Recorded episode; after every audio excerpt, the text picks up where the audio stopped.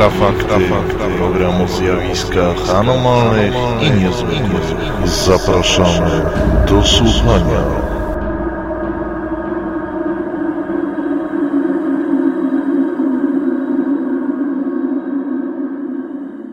Witam Państwa w kolejnym wakacyjnym wydaniu Infrafaktów, cyklicznym programie poświęconym najnowszym wydarzeniom ze świata zjawisk anomalnych i niezwykłych. Mówi Michał Kuśnierz, a razem ze mną jak zwykle jest Piotr Cielewieś. Witaj Piotrze. Witam. A w dzisiejszym odcinku powiemy o trzech odkryciach. Pierwsze dotyczy zaginionych akt dotyczących sprawy Valenticza, pilota, który zaginął w czasie obserwacji UFO.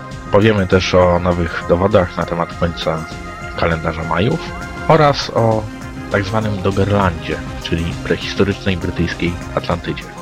Piotrze, całkiem niedawno ogłoszono, że w australijskich archiwach narodowych odnaleziono dokumenty dotyczące słynnej sprawy Frederika Valenticza. Przypomnę, że 21 października 1978 roku ten młody pilot zaginął w czasie lotu nad cieśniną Bassa. W ostatnich komunikatach zwierzę kontroli lotów w Melbourne stwierdził, że widzi w pobliżu zagadkowy obiekt.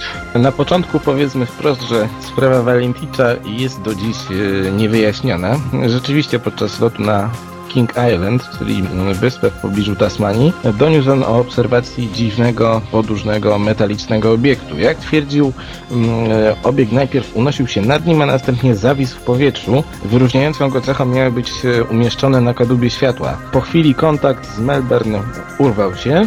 Wysłane na poszukiwanie Cessny z Valenticzem na pokładzie samoloty wróciły z niczym. Wraku ani ciała nigdy nie odnaleziono.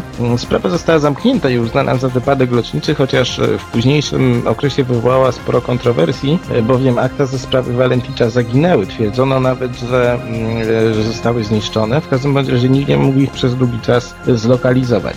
Teraz udało się je odnaleźć, ale niestety nie wynika z nich nic ponad to, co już wiemy. Porusza się co prawda możliwość upozorowania zaginięcia przez pilota, co jednak nigdy nie zostało potwierdzone. Wśród różnych scenariuszy katastrofy pojawia się ostateczna opinia mówiąca, że przyczyna jego tragedii pozostaje nieznana. Tak, a ja przypominam, że o sprawie Valenticza możecie Państwo przeczytać na naszej stronie infra.org.pl.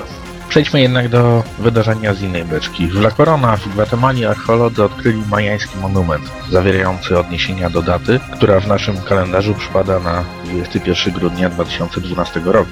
Specjaliści dodają, że to rzadkie odkrycie wskazuje, że Majowie przykładali bardzo dużą wagę do tego, co stanie się w końcu owego 13 Baktuna. Marseille Canuto, który mm, kieruje wykopaliskami w La Corona, gdzie znaleziono zapiski odnoszące się do końca Baktuna, a więc okresu rozliczeniowego w kalendarzu Majów, twierdzi, że rzeczywiście lud ten przywiązywał bardzo dużą wagę do tej daty.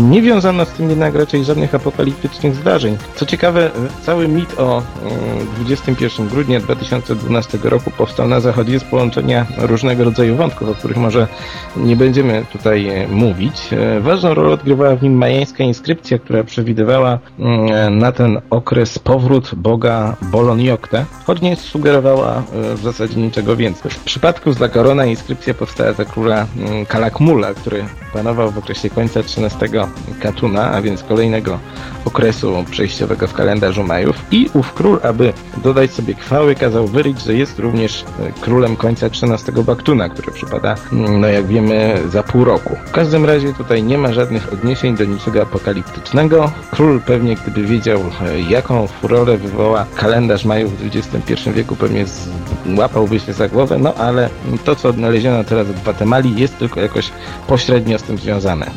A tymczasem w internecie pojawiło się też sporo informacji na temat zagadkowego Doggerland, masy lądu, która w czasie ostatniej epoki lodowej łączyła Wielką Brytanię z kontynentem europejskim.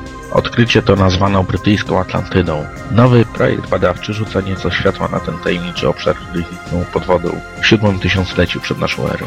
Odkrycia w Doggerlandzie nie są wcale nowe. Już na początku XX wieku z namorza wyciągano fragmenty narzędzi oraz kości. Uczeni pragną otworzyć teraz warunki życia, które tam panowały, dodając, że e, owa masa lądu stanowiła miejsce życia m, wielu ludzi, no i być może nawet neandertalczyków. Jedna z hipotez mówi, że ląd ten zatonął około 7 tysiąclecia wskutek tsunami. Oczywiście Atlantydą jedzą tylko w e, sensie metaforycznym. Przypomnijmy, że mityczna wyspa, o której wspominał Platon, Platon. Lokalizowana była przez specjalistów e, w wielu miejscach, głównie na Morzu Śródziemnym i Atlantyku. Dla niektórych Atlantydą był Cypr, e, inni uważali za nią Sardynię lub e, pradawne osady na południu Hiszpanii. Ale tym niemniej to bardzo interesujące odkrycie, rzucające nowe światło na prehistorię naszego kontynentu. Szkoda tylko, że o tego typu sprawach, w tym m.in. o Gobekli Tepe, mówi się tak mało. Ale możecie znaleźć Państwo takie informacje właśnie na naszej stronie. Przypominam, że archiwalne odcinki Infrafaktów można pobrać z naszego konta na serwisie homikuj.pl. Zapraszam też do odwiedzania naszej strony infra.org.pl, naszego forum, także konta na Facebooku. Dziękuję Ci Piotrze. Ja również dziękuję. Do usłyszenia w kolejnej audycji Infrafakty już niebawem. Produkcja i realizacja Portal Infra Pearl.